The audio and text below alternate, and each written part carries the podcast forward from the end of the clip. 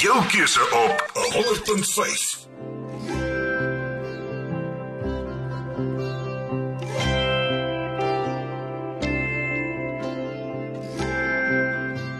Um, it is quite invasive. Nothing, none of them is, is painful, um, but there will be swabs taken um, in the vaginal area, anal area, um, but it's not as invasive as a pap smear. Survival Mode 101 is in samewerking met GRIP, die Greater Rape Intervention Program in die Laagveld. Die gesprek is met Johanay Strydom en Terren Lekoch, die hoofuitvoerende bestuurder van GRIP.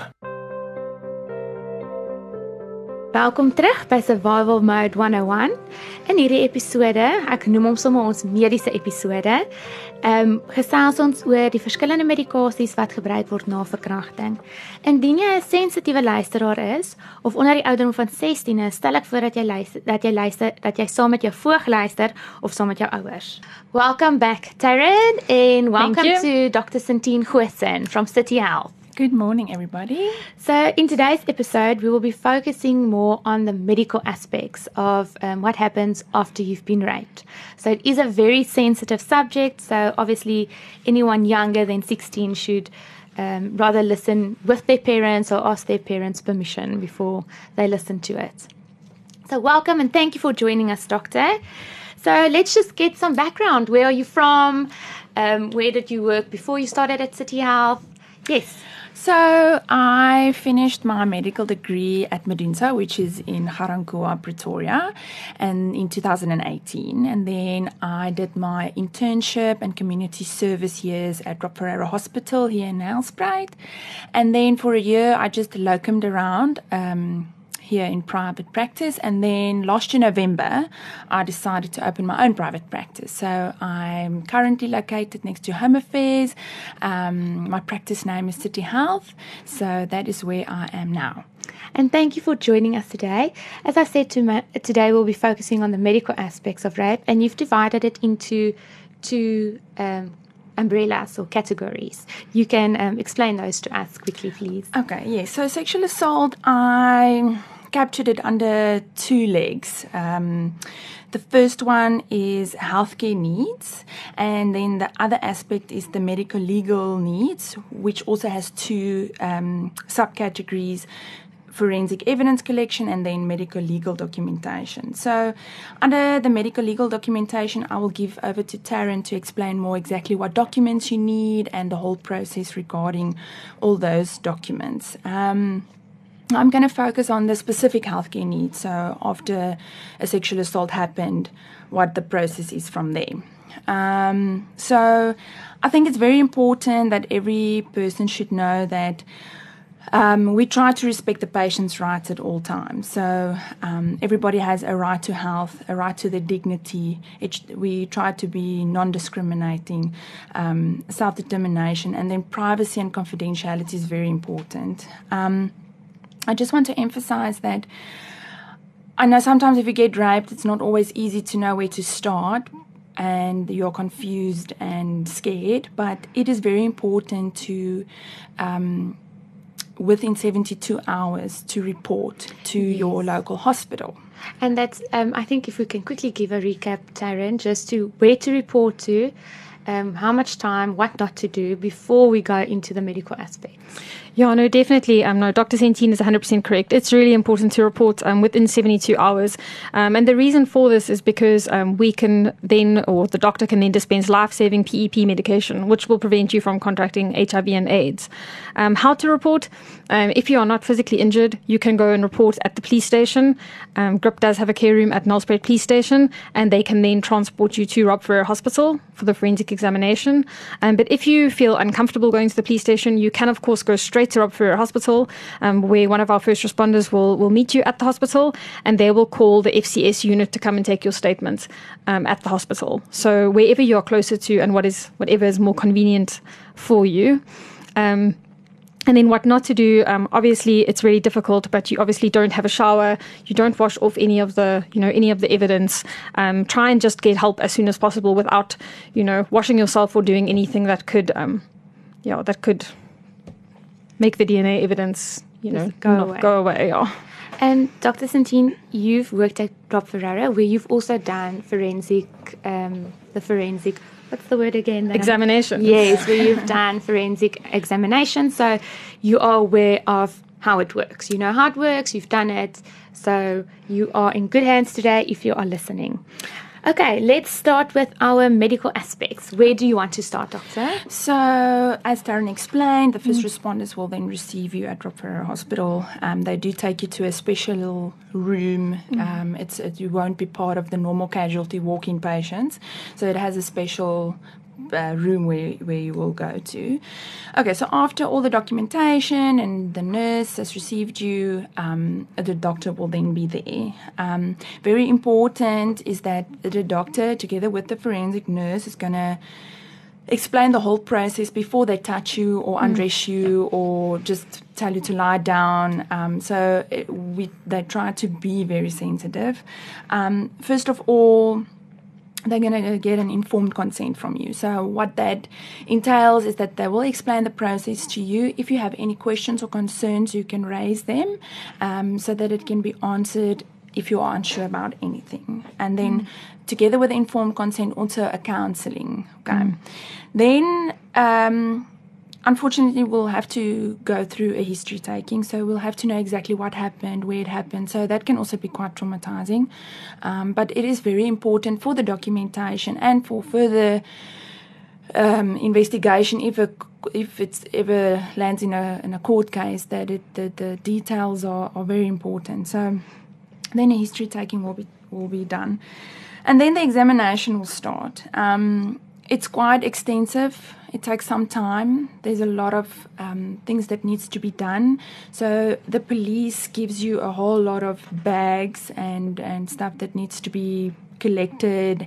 So this will include your clothing if there was any tampons or pads. So please don't throw away any of those if you do have any um, tampons or pads or anything or even a condom. Um, bl- don't throw away anything. Just bring all of that with the clothes that you were wearing that day um, when the incident happened. So don't wash those clothing. If you've undressed in the meantime, just bring those clothes with, because it's very important to for us to collect those um, all those things.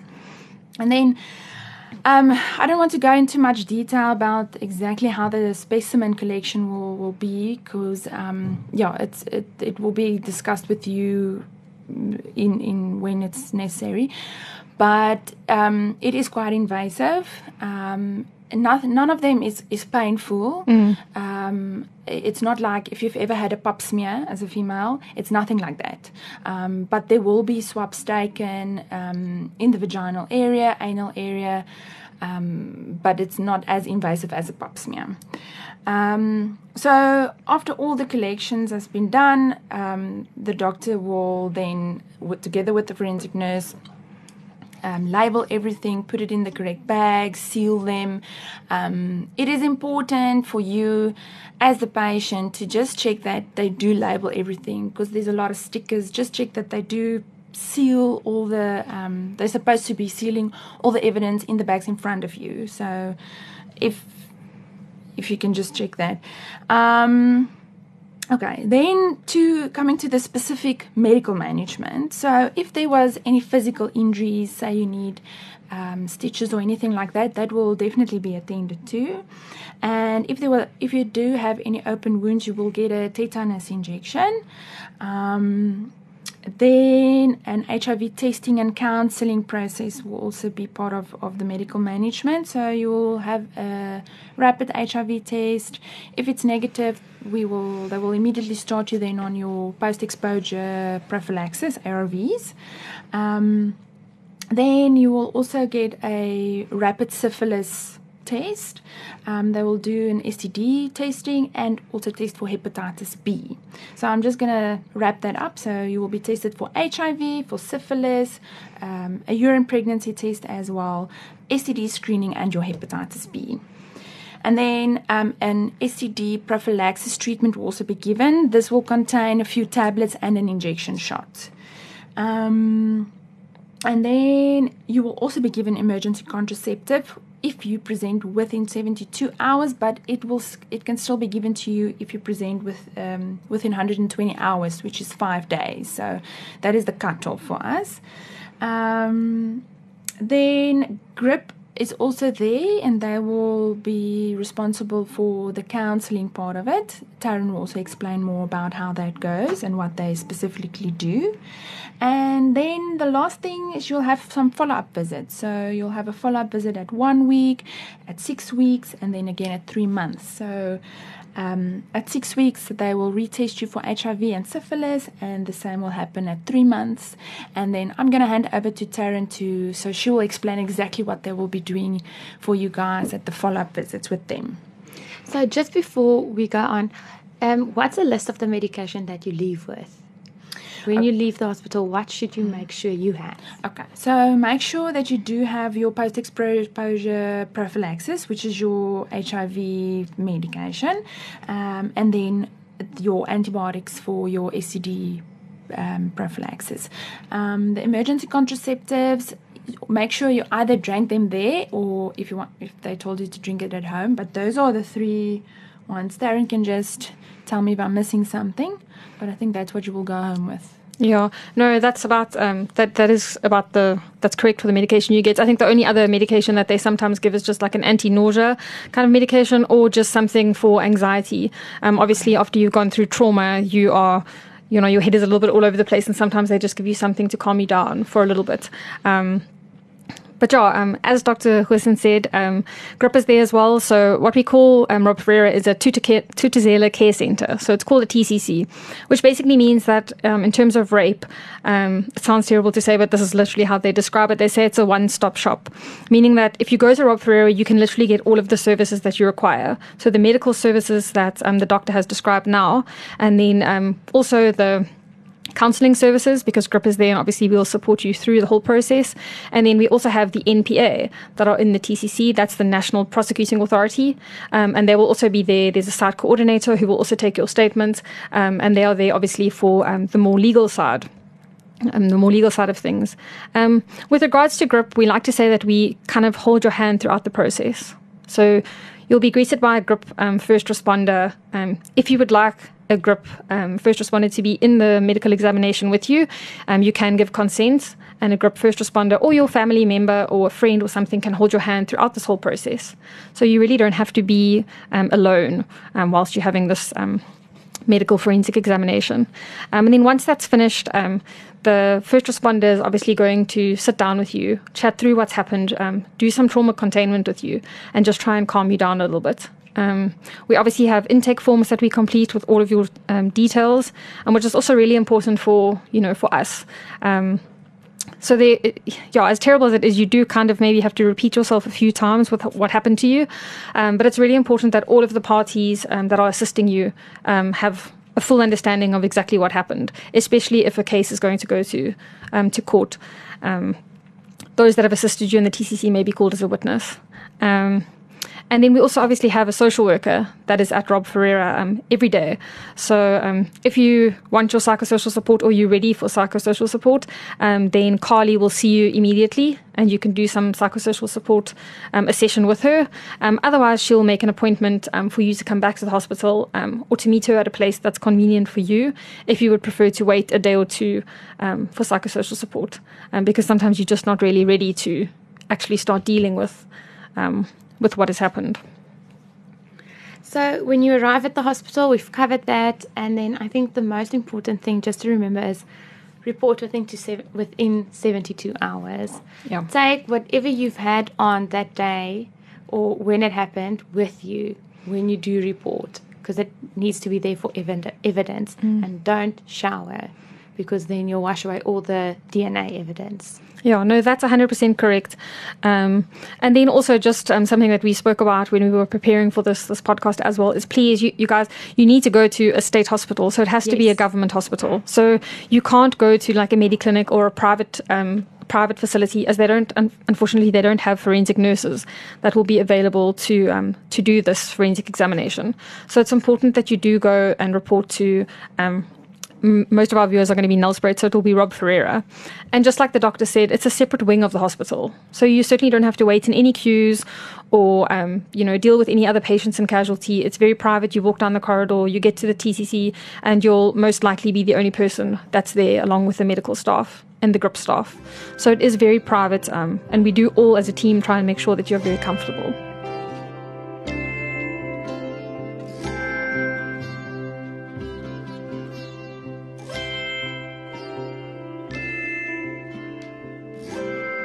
Okay, so um, let's finish off with the medication. I think it's just important to know how do you use the medication? How should you take them? Should you take them after food or before food? Should you, you know, are they tablets? Are they syrups? How do children take them? If you could just um, explain that to us.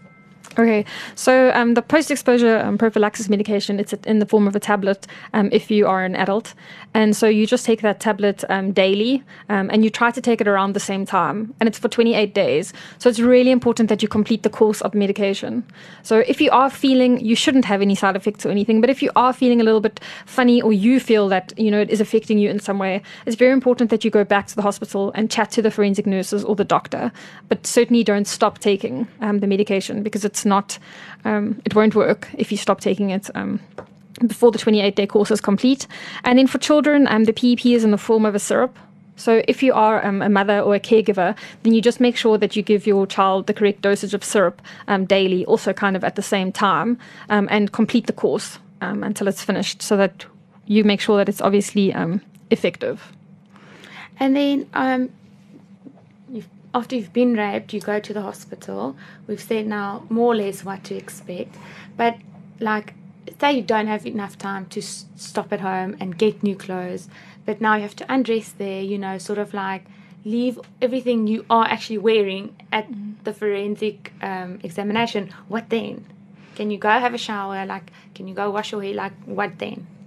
Yeah, so at Ferreira Hospital there is a nice um, a shower that you can that you can use, um, nice hot shower where you can obviously um, clean yourself. Um, GRIP does provide a care pack for you, so inside that care pack is all the toiletries that you will need, um, some sanitary towels. Um, it's important to know that if you do take the morning after pill, if you present within 120 hours and you are given emergency contraceptives, you will start your period. And so you will need sanitary towels. We will provide those sanitary towels for you. A fresh pair of panties, um, deodorant, soap, um, everything that you will need just to, you know, physically clean your clean yourself and make yourself feel um, feel clean again. And then in terms of clothing, um, we have discussed that as a grip as well to make sure that we have spare clothing so that you don't have to um, you know you don't have to worry about your clothes or your underwear or anything being taken um, by the forensics. Um, we will make sure that you you know after you've had your shower that you are comfortable. Okay, ladies, thank you so much. I think just before we end off, let's just, I think it, this is a mouthful, full, a mouthful. Uh, let's just recap quickly. Um, most important to remember if you take something from today, report within 72 hours. The reason for that is because that is when you should take your medication. Yes. Um, don't shower or get undressed at home. Come with everything you have because the moment you shower, you wash away any DNA.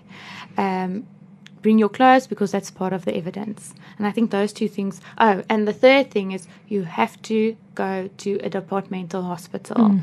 Um, they are the only ones who can help you with a forensic evaluation. So if you take anything from today, take those three things. The medication will be provided by the hospital. And, uh, doctor, can you just say those names for us again? The three types of medication that you'll be taking. So it will be your um, HIV, ARV post-exposure prophylaxis medication. It will be your STD prophylaxis medication. Um, yeah, I think those and your emergency contraceptive. Contraceptives. Yes. And then um, also remember that grip will always be there to hold your hand with your consent, obviously. When you do go into the forensic evaluation, um, you are allowed to take a parent or one of the grip uh, workers with you, um, with your consent, of course. And yeah, obviously, it's not a very nice topic to discuss, but I hope that somehow this will help someone if they do find themselves in, in a situation like this. Yeah, I think that it's just that people are really scared to report because they don't know what's going to happen when they get to the hospital. So I think if you're listening, um, you know, the, the GRIP team as well as the forensic nurses have done this many times before. And so um, it's not. Um, it's not it's it, although it's a difficult process it's we are all trained to not create any additional trauma um, for you. Um, also just like what the doctor said it's really not painful. It's not sore although it's uncomfortable because it's you know it's um, invasive and you you may have just been or you have just been raped. Um, there's no pain involved so it isn't sore because I think people are also scared of, of that you know they're scared it's going to hurt um, especially if they are taking their child for forensic examination. It really doesn't hurt um, and yeah, everybody at the TCC or at Rob Ferreira is all trained um, to care for you in the best possible way we can, without any judgment, without any trauma, without creating any, um, you know, discrimination, all of that kind of stuff. Um, we're just there to help. And so I think, yeah, if you're listening and you, it's you're not reporting because you're nervous to report, um, go to Rob Ferreira um, because yeah. And if you're unsure, give Grip a call. Exactly go to the grip office, give them a call, go to the website, you know, get in touch. That's why we are doing this podcast, is to help you. Dr. Goosen, thank you so much for joining us today and giving us some clarity on what wat gaan verwant. Mm. En dan ehm um, ek weet vandag was 'n mond vol, maar soos altyd hoop ek dat dit jou help wanneer jy dit nodigste het. In volgende week se episode gesels ons met Sibongile en dan gesels ons oor die program die program wat Grip doen, Hearts Not Hands, the Hearts Not Hands program. Dan gaan ons bietjie meer oor dit leer. Dan gesels ons weer volgende week. Dankie. Thank you, bye. Innoverend, entoesiasties en opreg. 100.5